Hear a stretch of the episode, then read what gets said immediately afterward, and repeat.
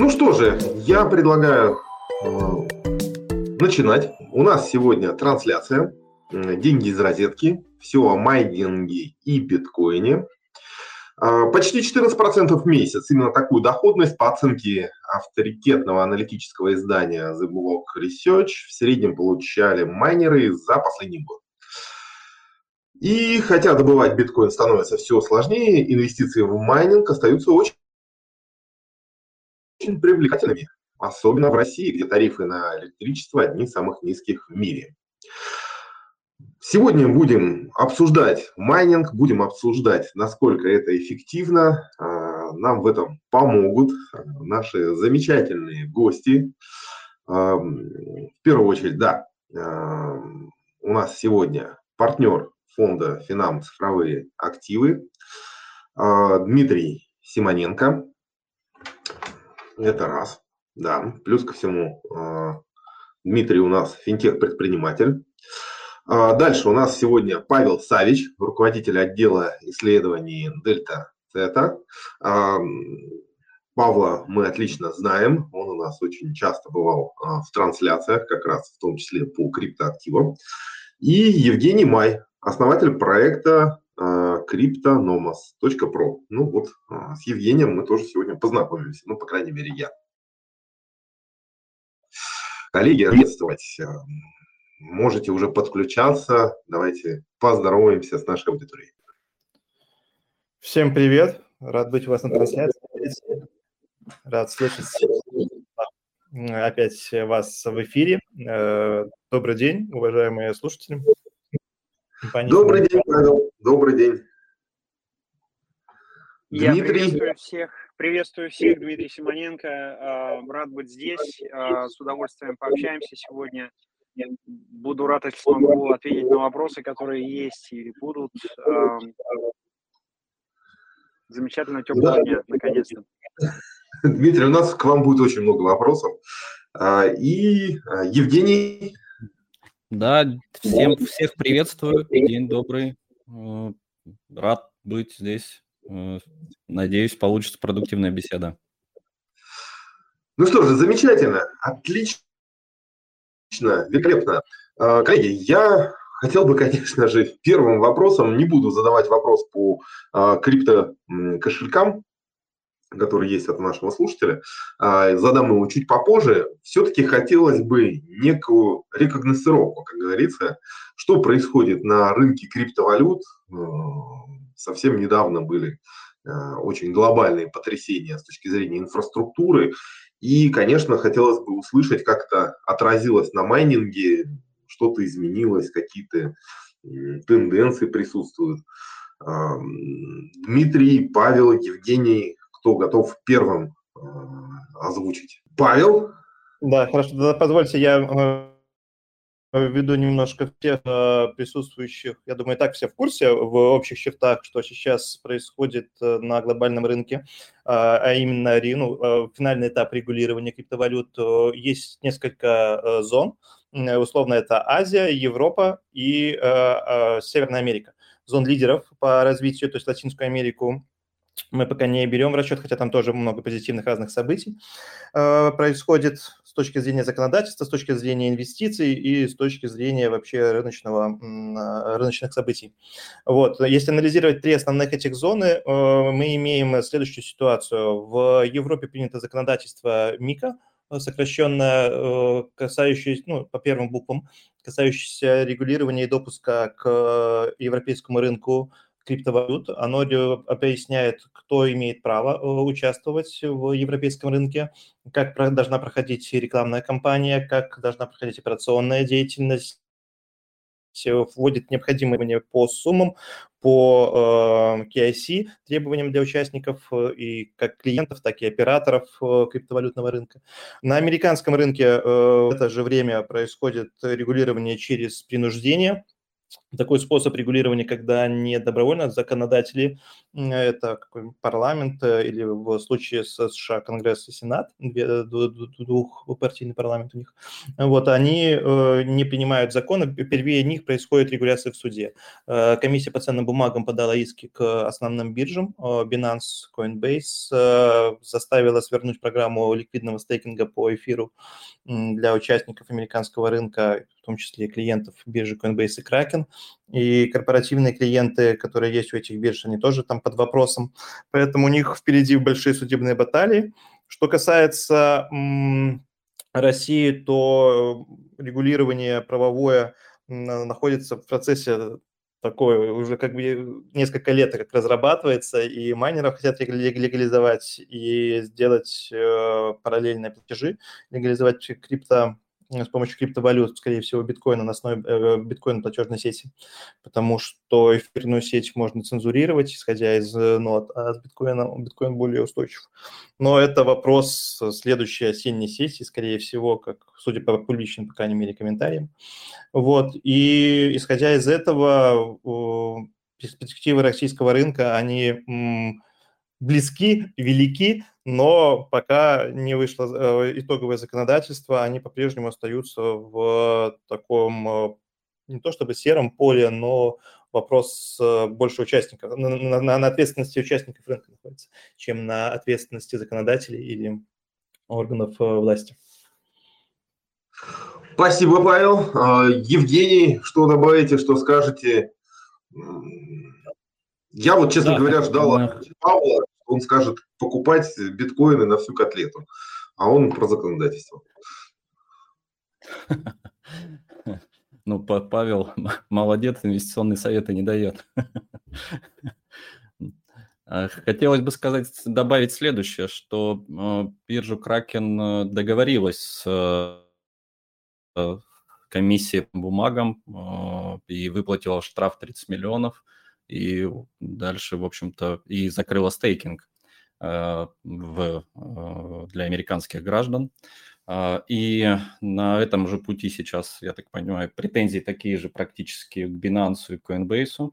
Баталии будут очень долгие, дорогие, и говорят, что биржа Binance выделила на борьбу, на, вернее, не на борьбу, а на вот эти судебные процессы порядка 1 миллиарда долларов, они могут себе это позволить. А, я как раз позавчера проводил вебинар по поводу Binance и а, комиссии по ценным бумагам, и там как раз-таки а, раскапывал то, сколько, какой процент судебных исков выигрывал, выигрывал, выигрывал комиссия.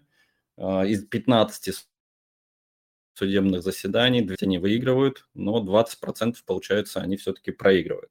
С учетом того, что Binance нанял адвокатов, э, которые раньше работали в комиссии, э, лучших адвокатов, это будет интересно и такая забавная, мне кажется, что все-таки э, победит лоббирование интересов блокчейна и криптовалют, потому что еще и Coinbase, за которым стоит BlackRock, и BlackRock вчера подали, э,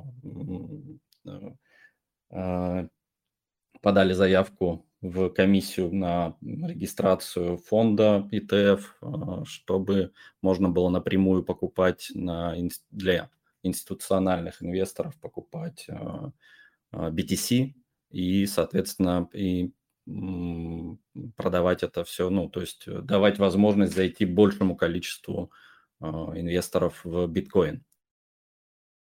То есть э, биткоин так или иначе э, в любом случае будет, будет расти. И по оценкам инвестиционных компаний по финансовым моделям, а, ARK Invest посчитал минимальная цена на 2030 год это 265 тысяч долларов, если я не ошибаюсь. Базовый сценарий это порядка 500 тысяч и бычий сценарий порядка полутора миллионов. А если мы говорим про эфириум, да, то есть тоже недавно было исследование Ванека, тоже ребята сделали финансовую модель. Там на 30-й год по эфиру они ставят э, цифры порядка, э, по-моему, 10 тысяч долларов, если мне память не изменяет. Это базовый сценарий. Медвежий сценарий 343 доллара, да, ниже, чем сейчас, там, в 5 раз, да, практически. И э, бычий сценарий, э, он, соответственно, там э, в разы больше.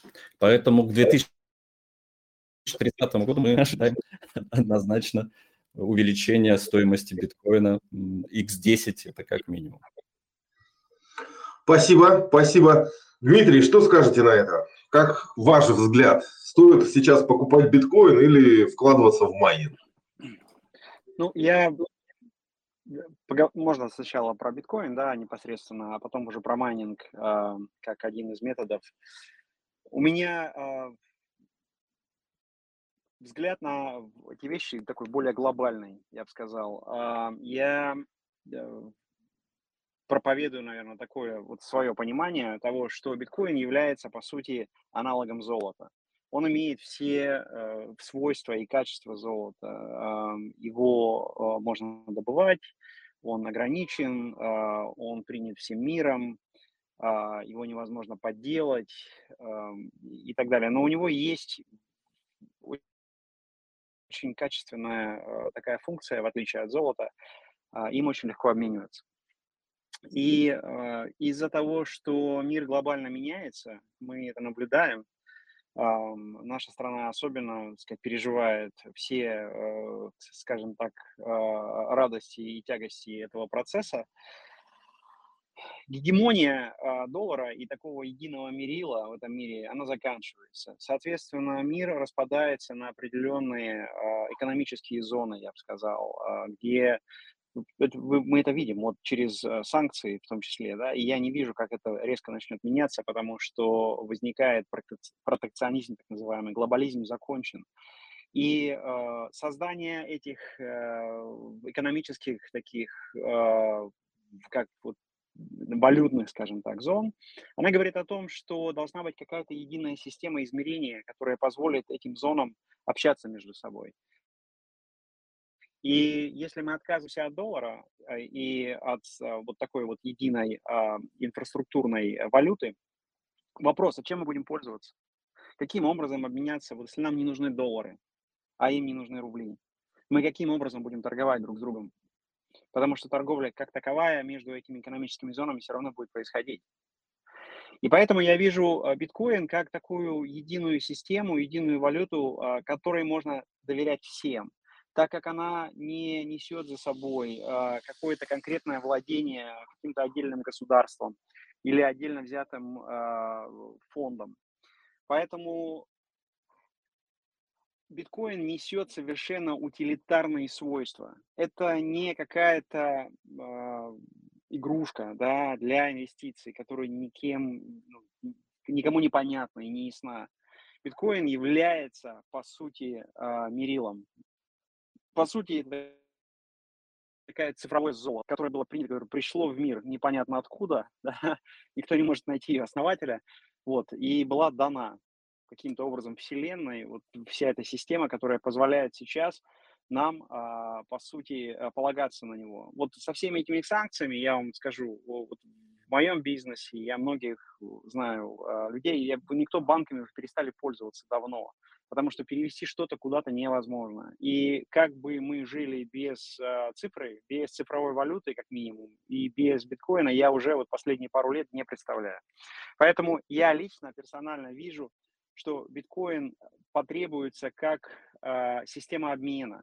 И обычно, если вы смотрите на э, мерило, ну вот как, какое количество денег нужно, скажем так, да, то есть одна, э, обычно э, правилом игры это э, какое количество денег существует в отдельно взятой стране. Да? Обычно правило это один ВВП. То есть для того, чтобы меняться какими-то товарами, у тебя должно быть определенное количество денег. Если вы посмотрите на эти экономики, которые образуются, и на их методику обмена, вы можете легко представить себе а, объем а, денег, требуемых, соответственно, цену этого биткоина как такового для того, чтобы обмениваться в достаточном количестве, чтобы создать достаточное количество денег. То есть это там миллионы.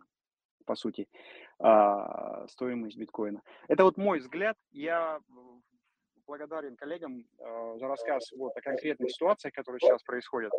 Но э, я смотрю на вещи немножко более глобальные и в долгую понимаю, зачем и для чего это все нужно. Вот таким образом. Извиняюсь за длинный рассказ, но вот такая суть. Спасибо, спасибо, спасибо. Вполне, Дмитрий, спасибо. Я считаю, что надо было вам все-таки первым выступать. А, Павел, у меня вопрос к вам. Будет ли биткоин 100 тысяч долларов? И э, что у нас с законодательством в России? Насчет э, цены попробуем э, обсудить э, детали. Тогда спасибо за вопрос. Сначала, а потом законодательство в России. А, что касается цены, э, можно оперировать э, разными моделями, безусловно, математическими, разными горизонтами э, планирования и ожиданий э, по цене. Базой для вычислений в любом случае будет э, фактическая ситуация. Мы имеем э, на данный момент 25 тысяч за биткоин. Мы имеем хешрейт, который составляет порядка там, 350 экзохешей. На данный момент вычислительная сети всей биткоина, она в экзохешах, выросла, выросла за год она примерно в, ну, на 50% полтора раза.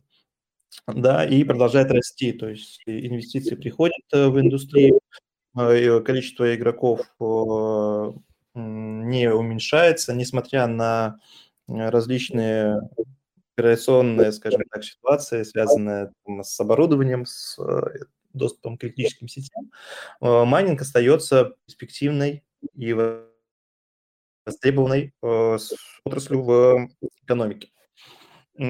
Соответственно, э, если количество участников не будет э, уменьшаться, будет увеличиваться дальше, так как и мощность сети, ну, исходя из того, что халвинг еще впереди через год, халвинг – это процесс вознаграждения за участие и решение задач, скажем так, да, за поддержку сети, в том числе, можно так сформулировать. Ну, вот через год и э, вознаграждение уменьшится. Я думаю, будущая цена биткоина в ближайших там даже 2-3 года, она будет выше, исходя даже из этих параметров из того, что сложность будет расти, участников э, рынка будет больше, соответственно, вознаграждение за это будет меньше.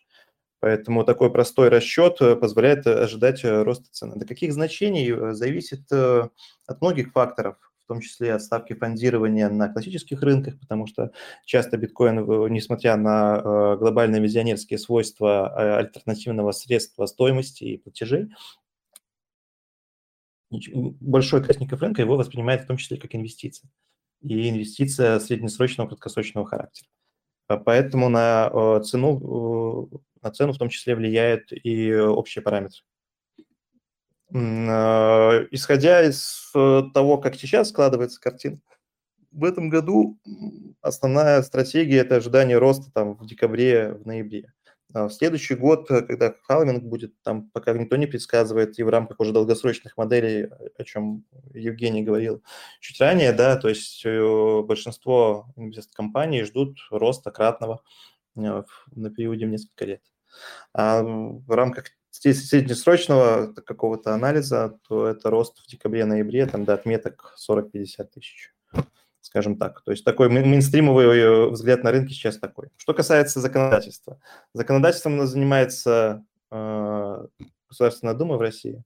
Э, есть господин Аксаков, который публично дает много разных комментариев на эту тему. И последние там полгода-год они сводятся к тому, что законодательство будет, оно будет четко регулировать систему акведов, систему налогов, систему деятельности по майнингу, как минимум. Ну и в дальнейшем, э, возможно, будет докручена система платежей. Основная история сейчас э, связана с тем, какое место займет в этой системе э, цифровой рубль, как будет, э, кто будет оператором всех этих процессинговых историй. И если цифровой рубль – это локальная как бы история России, как она будет взаимодействовать с другими экономиками.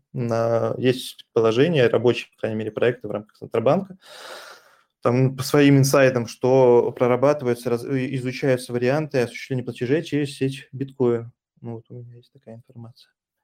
неформально, скажем так. Вот, поэтому законодательство, я надеюсь, все-таки доведут до конца на эту сессию или на следующую Государственную Думу, и мы сможем уже анализировать законопроекты, их варианты, последствия и значения.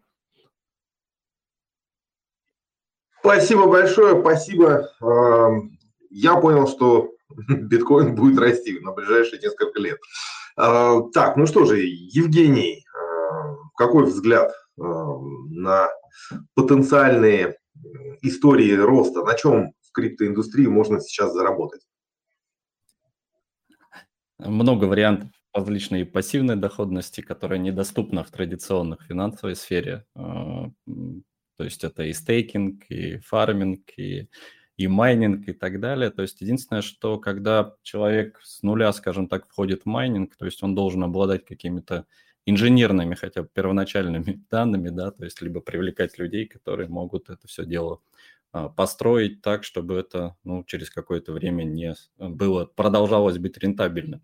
И вот мне попалась буквально вчера э, информация Glassnode, а, по статистике за все время добычи, за все время а, добычи майнеров а, заработали майнеры, показывают, что посчитали 51,5 миллиард долларов США, и себестоимость составила добычу, то есть совокупная 37,6 миллиардов долларов. То есть это предполагаемая чистая прибыль примерно 13,9 миллиардов долларов и рентабельность 37%. Это они прям взяли вот, ну, все, что смогли посчитать э, по майнерам. 37% рентабельность, я считаю, что любой э, ну, бизнес э, с 37% рентабельностью это, в общем-то, ну, достаточно интересная тема даже для крупных инвесторов. Я думаю, что в России достаточно найдется э, людей, которые продолжат вкладывать, особенно когда будет регуляторная прозрачность и понимание всех налогов и так далее. То есть как-то так. Ну, а по поводу э, доходности, да, то есть э, если вы э, сталкивались с криптобиржами, то вы знаете, что они э, стабильно на, там, на, первые, на первые стейблкоины дают там, от 5 до 10 процентов центов там, до 2000 долларов. То есть это а, простейшая такая маркетинговая активность, которая привлекает людей. 10% а, годовых в долларах, ну, я не думаю, что где-то сейчас вы найдете в России. Вот. А, как-то так. Ну и э, стандартные, то есть вместо майнинга активно используется Proof of Stake, и Proof of Stake, соответственно, дает возможность разместить свои монеты да, в э, блокчейне, а, заблокировать их и получать, соответственно, за обеспечение, по сути это, то же самое, да, то есть вместо а, майнинга, когда вы а, размещаете свои монеты и получаете пассивный доход, который вознаграждение за стейкинг. То есть если вы действительно там нацелены в долгую, то вы можете рассмотреть еще и вместо майнинга еще и стейкинг. То есть здесь нет расходов, связанных с покупкой оборудования, Здесь нет расходов, связанных с арендой там, и так далее. То есть это такой более, ну, скажем так, доступный способ получать пассивный доход от э, блокчейн-технологий. Но то, что за блокчейн-технологиями будущее, я считаю, что все, наверное, участники это понимают, и, э, безусловно, ну, сейчас семимильными шагами это все будет развиваться э, по экспоненте, скажем так, потому что мы видим что и в России все больше и больше про блокчейн начали наконец-то говорить. ну и насколько это все входит в обиход э, блокчейн-технологии. То есть скоро, скоро все, везде будет блокчейн. все, что можно перевести на блокчейн, все упрощает, убирает посредников и удешевляет все процессы, в том числе и бизнес. Как-то так. Э, Евгений, спасибо. Да, Евгений, ну, кстати, я вот не соглашусь. Э, у нас замещающие облигации «Газпрома» в долларовой доходности 9% дает годовых. Отлично. Отлично. Там да, Да, в отличие от блокчейн-технологий, где доходность у вас находится на расстоянии вытянутой руки, имеется в виду, что в взаимодействии с оператором, на традиционном рынке есть несколько посредников в виде депозитария, а, брокера, а, биржи, которые, как мы все прекрасно уже знаем из новостей санкционных, да, могут создавать проблемы. В этом смысле доходность от э, размещения капитала в блокчейне имеет ряд неоспоримых преимуществ, скажем так. Сто процентов. Да, да. Не только в процентах. А что касается непосредственно майнинга, то тут надо понимать, что э, этот процесс не просто купил оборудование и включил его в розетку. Это организованная деятельность, э, связанная с э, использованием программного обеспечения, с поддержанием устройств с точки зрения сервиса, потому что они имеют свойство, как и любая техника, иногда ломаться. Вот, поэтому надо участвовать в каком-то или крупном пуле, опять же, настраивать программное обеспечение, чтобы использовать синергию вычислительных мощностей. Я думаю, нам Дмитрий расскажет более подробно, как это все эффективно э, организовано, исходя из масштаба по майнингу именно биткоина. Да, Дмитрий, что по поводу майнинга? Вообще, насколько доходна эта отрасль? Э, что в России происходит в этом отношении? И какие перспективы? Ну, давайте, там пара вопросов было. Был, был вопрос. Меня слышно хорошо? Я прошу прощения, это что-то со связью было. Да, отлично. А, такая комментарий по поводу оценки стоимости биткоина. Есть статистика, э, которая э, ну, сопоставляет стоимость биткоина э, между халфингами, так называемыми, в среднем от 3 до 5 раз. На каждом халфинге происходит скачок от предыдущего пика от 3 до 5 раз. То есть если идти по этой модели, а, то, э, насколько я помню, топовое значение на прошлом халфинге было в районе 63. То есть мы должны ожидать в следующем году если следовать этой модели от 180 до 300 тысяч за, доллар, за, за биткоин. Вот такая вот история. Значит, что касается майнинга как такового, а, майнинг, по сути, это ну, для, для такого самого простого сравнения, а, если смотреть как аналог золота, то есть ты можешь купить золото на рынке, а можешь его добыть.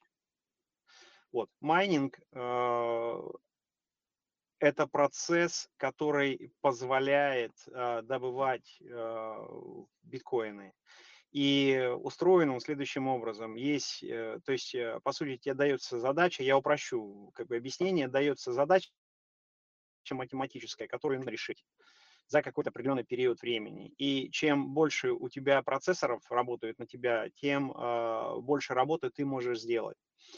Это все объединяется в так называемые пулы, это такая, ну, колхозы, проще сказать, когда а, очень много работников работают на одну единую систему, и, э, собственно говоря, сеть биткоина выплачивает этим выплачивает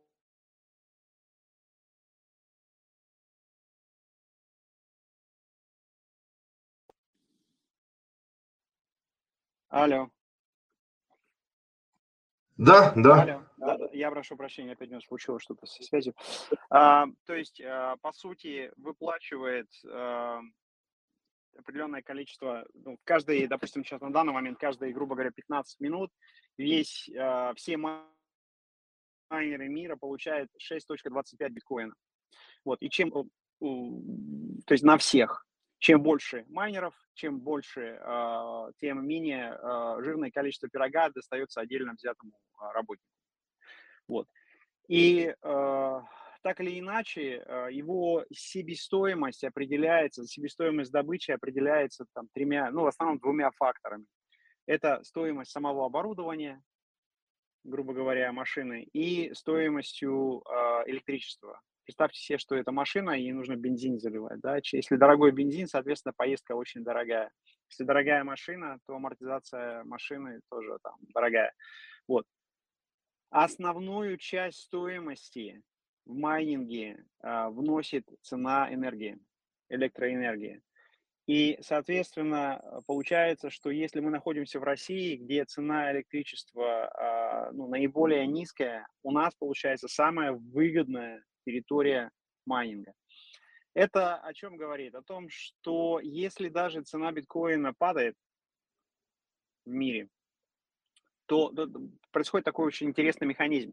То есть давайте предположим, что цена биткоина падает, и неожиданно за конкретный день количество биткоинов, которые ты добыл и можешь продать на рынке, ниже стоимости электричества, которую ты потратил. Например. Но нужно помнить о том, что твоя себестоимость этого электричества и кого-нибудь в Америке, она разная. И тот, кто в Америке, он гораздо быстрее окажется в ситуации, что ему невыгодно майнить. Что же они делают? Они отключают эти машины. То есть падает сложность сети. И это означает, что количество доля пирога, которое достается мне сегодня, когда кто-то отошел от стола, больше. То есть через очень непродолжительное и короткое время происходит такой, находится естественный баланс, когда я начинаю добывать даже при определенно низкой стоимости биткоина, я начинаю добывать столько его, что себестоимость добычи моя становится позитивной. То есть я, я, мне выгодно это делать. То есть вывод очень простой. Майнинг в России, он самый безопасный, самый выгодный. Потому что мы самые дешевые, и мы, собственно говоря, остаемся всегда в сети. Мы остаемся всегда при деньгах, при деле. Вот такая вот простая логика. Я пытаюсь это сделать очень просто объяснить, для того, чтобы а, было ну, как-то понятно на пальцах, а, как это происходит. Но, а, по сути, мы находимся в безопасности. С точки зрения, благодаря нашей электроэнергии, нашему климату, мы находимся в безопасности, и мы всегда будем в плюсе. Алло, алло. Да? да, великолепно, замечательно. А, у меня тогда вопрос такой. Вот э, майнинг, в принципе, вот средняя доходность, потенциальная доходность, а, промышленный майнинг, ну, я имею в виду именно такие крупные майнинговые а, компании, какую доходность вообще показывают сейчас? Ну, э, смотрите, э, могу просто сказать, там, цена да, давайте определимся с себестоимостью, грубо говоря, производства биткоина. Она в зависимости от того, как считать, от стоимости, зависит от стоимости оборудования, амортизации, немножко разная себестоимость хостинговых центров э, построенных и так далее, она э, вот в России находится сейчас вот в вилке, скажем, между там 12 и 18 тысячами долларов. То есть при цене, а, это опять же очень сильно зависит от той сложности, которая происходит. И, а, при цене биткоина на рынке 25. То есть, грубо говоря, там при самых худших а, событиях я сегодня могу купить биткоин за 18, а не за 25, используя майнинг. Вот, пожалуйста, вот арбитраж этот и позволяет нам зарабатывать достаточно э, вот те цифры, которые заявляются. Но, э, опять же, если, э, допустим, цена биткоина упадет на рынке неожиданно, да, и э, половина мира отключит свои машины, потому что будет невыгодно, соответственно, наша себестоимость тоже упадет, и у нас останется, я надеюсь, та же самая маржа, о которой мы говорим. Спасибо. А вообще майнить в России законно? А, ну, давайте так посмотрим на это. Дело в том, что отсутствуют какие-либо э, законы, запрещающие это делать. Э, по сути, нет у нас законодательства как такового. Биткоин у нас не запрещен. Это является инвестиционным, сказать, инструментом. Далее, э, завозить машины, майнеры можно. То есть мы, когда завозим оборудование, завозится в большом количестве, мы же проходим через э, все разрешения ФСБ, так как это крипто, так как это шифровальное, грубо говоря, оборудование, оно требует разрешения э, довольно высоких органов. То есть все это оборудование проходит через таможни, оно проходит через э, ФСБ, оно полностью получает белые легальные разрешения на ввоз и на использование. Поэтому, исходя из этого, нету никакого, ну, нет запретительной базы, которая не позволяет нам включать э, машины и работать. А, при добыче биткоина, соответственно, мы не можем их продавать, ну, грубо говоря, по э, регуляциям ЦБ, мы не можем их, грубо говоря, обменивать внутри России, но мы можем их обменивать на международных биржах. То есть мы можем продать его на какой-то международной бирже и прислать домой деньги. Вот, поэтому нет запрета. И я надеюсь, будет какой-то очень-очень внятный закон принят в этом году, который четко объяснит, э, как это можно делать. И вот в этот момент будет то есть, колоссальный приток денег уже от очень там, глубоко ну, таких регулируемых э, бирж или фондов, которые смогут это делать спокойно. Но на данный момент нет запрета на это. Замечательно, великолепно. Ну что же, а, у меня вопрос Павлу, Евгению, а, вопрос от нашего слушателя Марины. А, несколько вопросов. Какие кошельки криптобиржи или P2P сейчас безопасны, если можно с конкретными входами, как конкретно завести, вывести рубли и валюту, как обезопасить операции, ну и так далее. Павел? Ну, вот э, фиатные валюты в криптопространстве – это самый частый распространенный там, первый кейс, да, с которым сталкивается пользователей, поэтому он имеет э, максимальное значение с точки вообще зрения и бизнеса, и индустрии.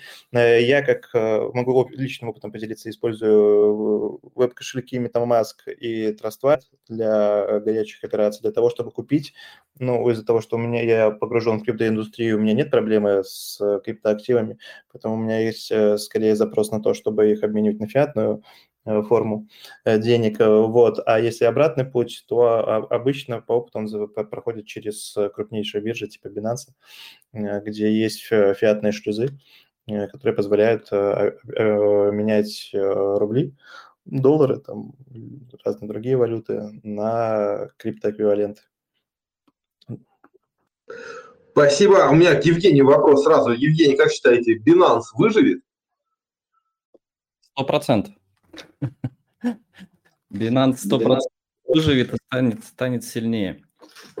Это без вариантов, потому что у них очень много. Ну, во-первых, надо сразу сказать, что на у Binance в Америку приходилось там порядка 2% всего оборота, там до 5% а, в лучшие времена, скажем так. То есть они а, специально, я так понимаю, то есть все, что для американских граждан предоставлялось, они это делали так.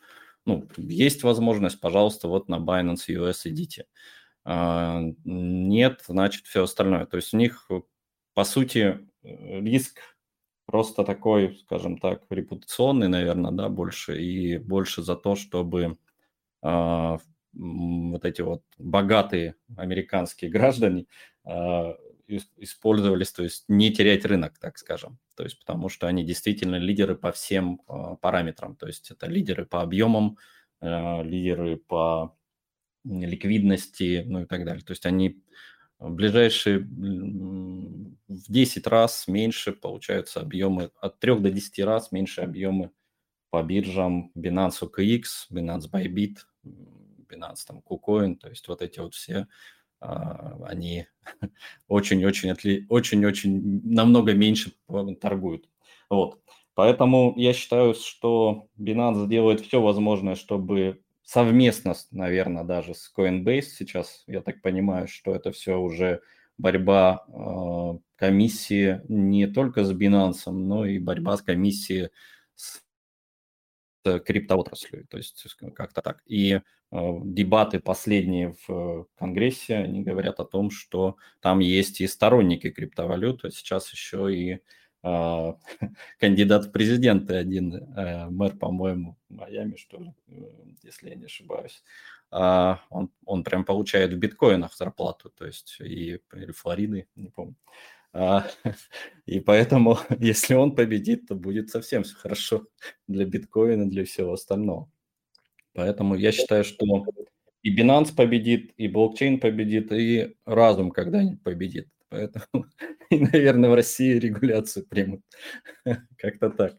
Вот. А по поводу вопроса еще Марины, да, а, самое простое и простейшее, наверное, безопасное и, скажем так, доступное для новичка – это биржа Binance. Заходите на биржу Binance, через P2P выберите доверенного мерчанта, чтобы он был проверенный, и, соответственно, проведите платеж через P2P с карты на карту, и вам, соответственно, в данном случае Binance будет выступать э, посредником, и он заморозит средства э, в USDT, если вы USDT покупаете, на стороне продавца. То есть пока вы не скажете, что я отправила деньги, и, соответственно, вам отправят деньги на ваш аккаунт. Вот.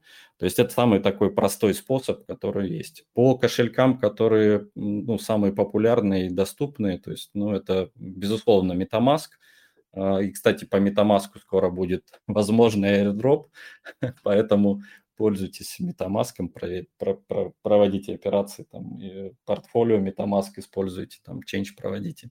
И э, мне нравится Trust Wallet, мне нравится SafePal, то есть SafePal прям очень такой приятный кошелек, а, даже местами лучше, чем, чем MetaMask. А, ну и а, у Дебанка есть кошелек Rabbi, тоже рекомендую, тоже возможно будет airdrop для тех, кто пользуется этим кошельком. И рекомендую освоить Дебанк, рекомендую освоить CoinGlass, то есть там много очень полезной аналитической информации по блокчейну. Как-то так. Спасибо, спасибо. Так, ну что же, коллеги, у нас уже постепенно выходит время нашей трансляции. Я предлагаю немножко ускориться. А, по основным моментам, вот э, в принципе, какие сейчас есть возможности для инвестирования – а, у российского инвестора, помимо прямой покупки, эм, прямой покупки э, биткоина, эфиров э, и других эм, криптовалют. Что еще у нас есть? Ну вот, предположим, можно открыть брокерский счет и купить э, BlackRock выпустит ETF, да, можно купить через Финам, если будешь квал-инвестором. А если не будешь квал-инвестором, если вот какие-то есть страхи, что Binance заморозит э, активы, как сказал Евгений, не на стороне покупателя, а вообще. А что у нас такого интересного? Дмитрий, Павел, Евгений, какие предложения еще есть? Ну, что касается э, заморозил, и можно я пару вещей добавлю? Во-первых, ребята очень хорошо рассказали, Евгений, реально просто нечего добавить совершенно по поводу кошельков.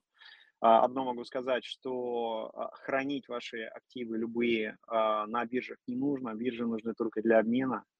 То есть я э, персонально столкнулся с заморозкой средств, два месяца просто были заморожены на Binance непосредственно при попытке вывода на какую-то другую биржу, они там не обязательно дружат друг с другом. Они все благополучно вернули, но нужно было, был такой период не очень приятных ощущений, скажем так. А хранить все в долгосрок нужно на своих кошельках, обмениваться между собой нужно на кошельках, которые Евгений объяснил, да, все, что железо, все, что непосредственно не на биржах, там не должно возникать каких-либо проблем, так как это блокчейн. Вот. С точки зрения инвестиций, а, ну, это уже прямо инвестиционные какие-то предложения. Я не а, брокер и не инвест-специалист. А, что касается биткоина, я вам рассказал свое видение, что это будет. Я считаю, что это одна из самых таких простых, безопасных э, штук, которые можно точно хранить, и она есть не просит, э, брокеров для этого не требуется иметь а, и так далее. А для неквалов, то есть непосредственно что-то такое было бы просто идеальным. Но опять же, это долгосрок. Что-то короткое и так далее, ничего не могу посоветовать, это уже, это уже к вам, господа. Спасибо. А, Павел, вот э, у Финама запускается ZPIF э, на майнинг. Будете инвестировать? Можно было бы рассмотреть э, этот э, вариант. Безусловно, ЗПИФ для российского инвестора особенно неквалифицированно, учитывая градацию допуска к инвестициям на российском рынке. Это отличная возможность. Там, по-моему, минимальная сумма 150 тысяч, да, для инвестиций. Да, да, абсолютно верно. Да, е, е, ну, то есть это хороший вариант поучаствовать в индустрии в дружественной юрисдикции, скажем так, да, с э, понятными правовыми деталями. Вопрос, как организовано внутри э, СПИФа взаимодействие по инвестициям, по управлению. То есть это надо более детально проспект, конечно, смотреть.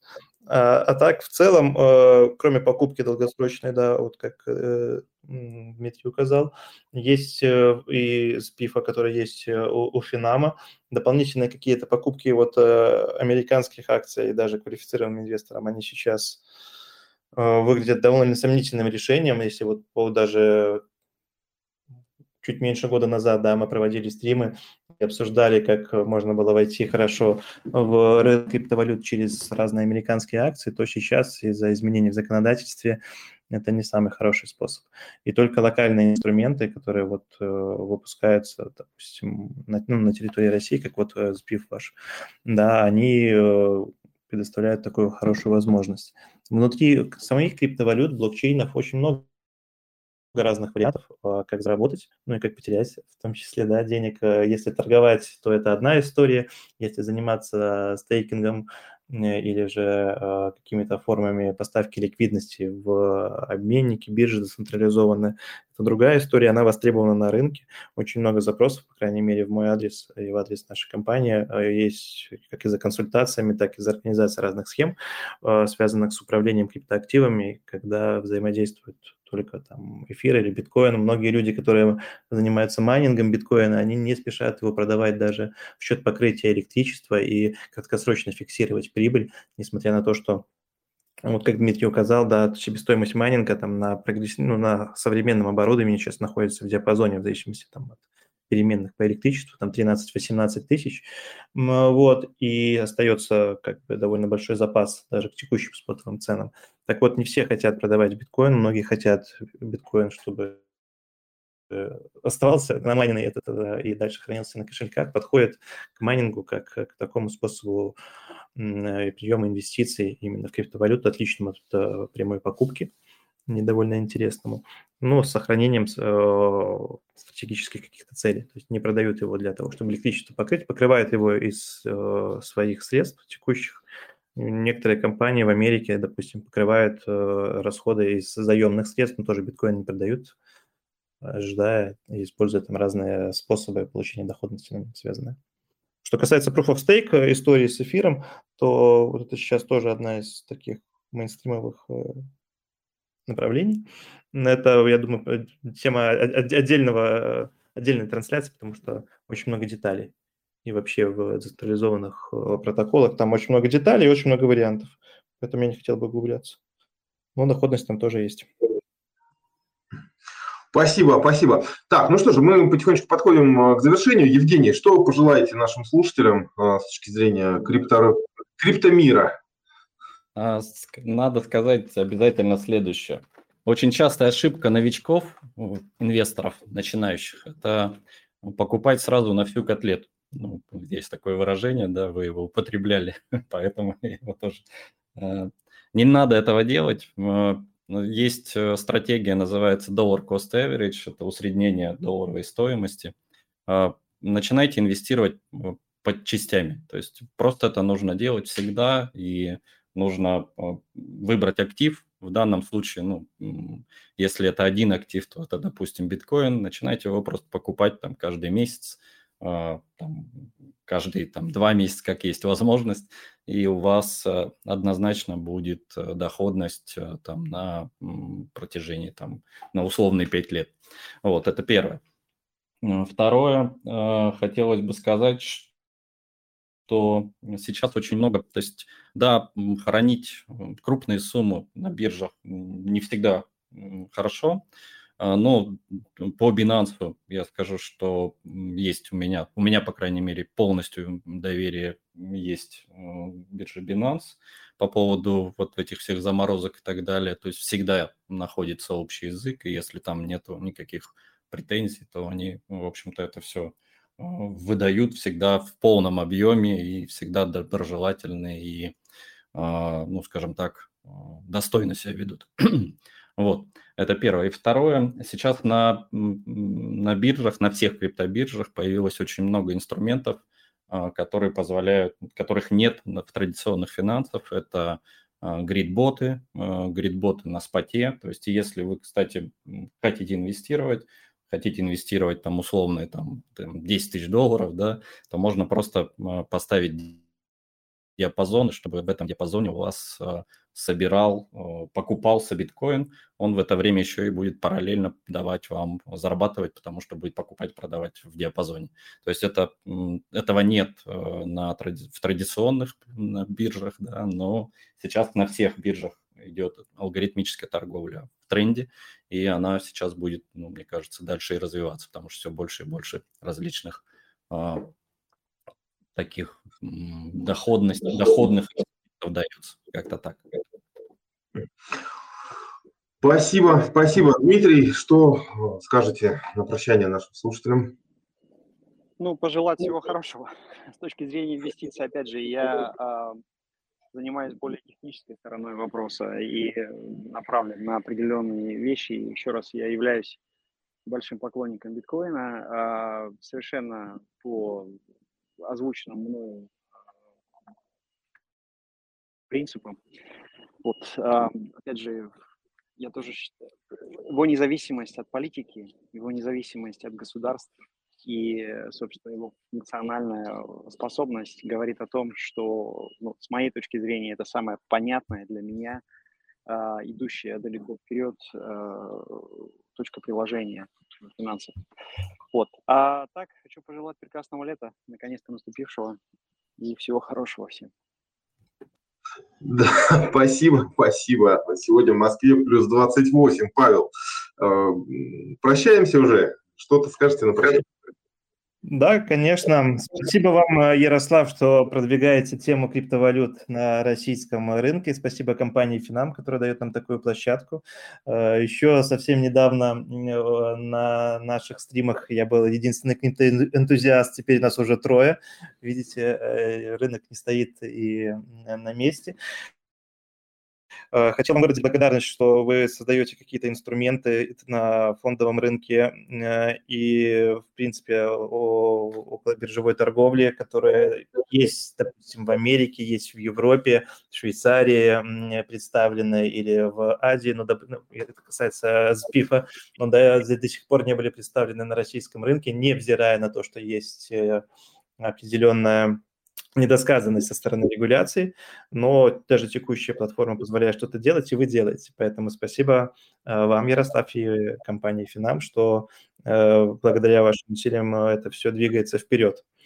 Вот, спасибо спикерам, которые сегодня нашли время вместе с нами да, поделиться каким-то своим видением. Спасибо зрителям, которые нас выслушали, задавали вопросы. Хочу пожелать успехов в инвестициях и, естественно, всего самого светлого и доброго в окружающем мире, скажем так. Спасибо, спасибо. Ну что же, да, большое спасибо, Дмитрий, Павел, Евгений. Спасибо большое за то, что спасибо, спасибо. Да, ну, и немножечко поделились опытом. Я уверен, что мы продолжим наши эфиры, связанные с криптоиндустрией. А, плюс ко всему, очень неплохие заделы для подвижек в законодательной плане в России присутствуют. Присутствуют они недолго, но будем надеяться, что в ближайшее время а, подвижки будут. По крайней мере, уже есть и финансовые инструменты для российских инвесторов, которые можно рассматривать. Можно говорить о том, что криптоиндустрия в России существует э, и в законодательном поле, и вне, но в любом случае рынок э, живет, и вот как сказал Дмитрий, биткоин явно претендует э, на роль, э, э, схожую с ролью золота. На этом все. Всем удачных инвестиций. Пишите комментарии, пишите ваши пожелания и не забывайте подписываться на наш телеграм-канал. И до новых встреч.